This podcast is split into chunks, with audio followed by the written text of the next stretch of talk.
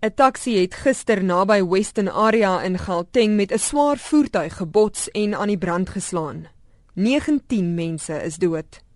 Na die voorval het die departement van vervoer skok uitgespreek en gesê daar sal ondersoek ingestel word. Johan Jonk, die webmeester van die Arrive Alive veldtog se webwerf, sê daar word te veel gepraat en te min gedoen. Ek weet die regering en die departement van vervoer maak die regte geleide. Maar ek dink dit is tyd dat ons werklik baie meer doen as praat en meeste van ons weet werklik waar die probleem is en dit is by effektiewe polisieering. Ek het ook gister net na die ongeluk het ek vir myself die vraag afgevra, hoe is dit moontlik dat daar ongeveer 23 mense, jy weet in so 'n taxi kon wees waarvan dan 19 nou oorlede is? En hy sê wetstoepassing is die sleutel tot die oplossing. Om baie veiliger te maak en verwys altyd na die na die 4 E's: enforcement, engineering, education and evaluation. Ons staan soveel moontlik probeer om bewusmaking te skep en vir mense inligting te gee oor om veiliger te wees.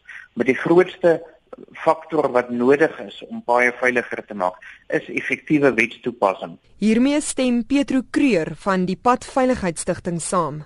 Sy sê die probleem strek selfs weier as onpadwaardige oorlaaide taksies en kring uit na bedrog. Ek dink dit is 'n kombinasie van al drie. Ons taksibestuurders het geen respek vir wetgewing nie en hulle weet as hulle 'n ekstra blaadjie in hulle ID-boek sit wanneer hulle dit vir ons verkeersbeamptes gee, kom hulle weg met letterlik moord.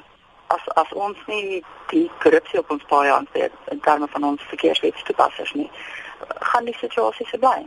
En beide is dit eens dat daar nie betroubare en genoegsame statistiek oor spesifiek taksies en taksi-ongelukke is nie. Volgens Skreur het die probleem al in 1998 kop uitgesteek toe die departement van vervoer self verantwoordelikheid geneem het vir sy eie statistiek. Die statistiek wat jy intern versamel en uitgee is nooit word nooit weer met dieselfde mag as wat 'n uh, onafhanklike partye statistiek doen nie. Dis nommer 1. Daar is statistiek vrygestel deur die departement van vervoer sedert 1998.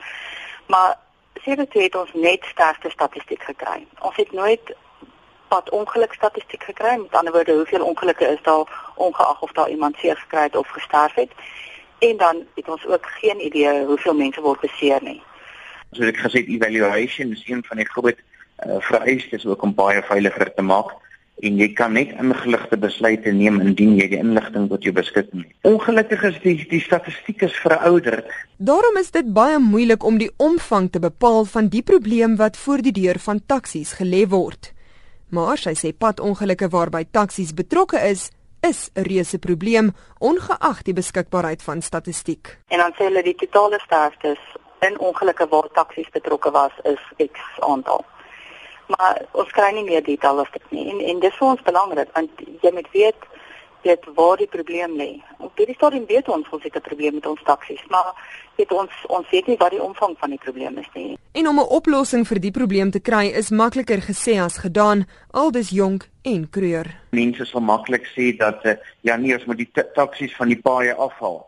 Maar dan kyk ons ongelukkig nie na die ekonomiese realiteite en dat daar uh, 'n gebrek is aan publieke vervoer nie. Ek dink oor die algemeen is daar nie 'n politieke wil om die situasie ons baie te verander nie. Daar's baie ander aspekte wat meer aandag geniet op hierdie stadium as wat padongelukke doen. Die sosiale impak van van padongelukke word onderskat. Die impak wat dit het op ons ekonomie en op ons weet die sosiale impak op ons gesondheidstelsel word onderskat. En as dit nie deur ons politieke leiers ernstig opgeneem word, weet wat moet gebeur dat dit verander.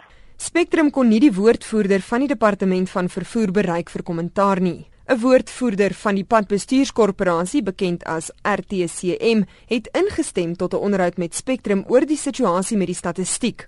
Maar toe die tyd aanbreek vir die onderhoud, het hy nie sy foon geantwoord nie. Ek is Henry Wondergem vir SABC nuus.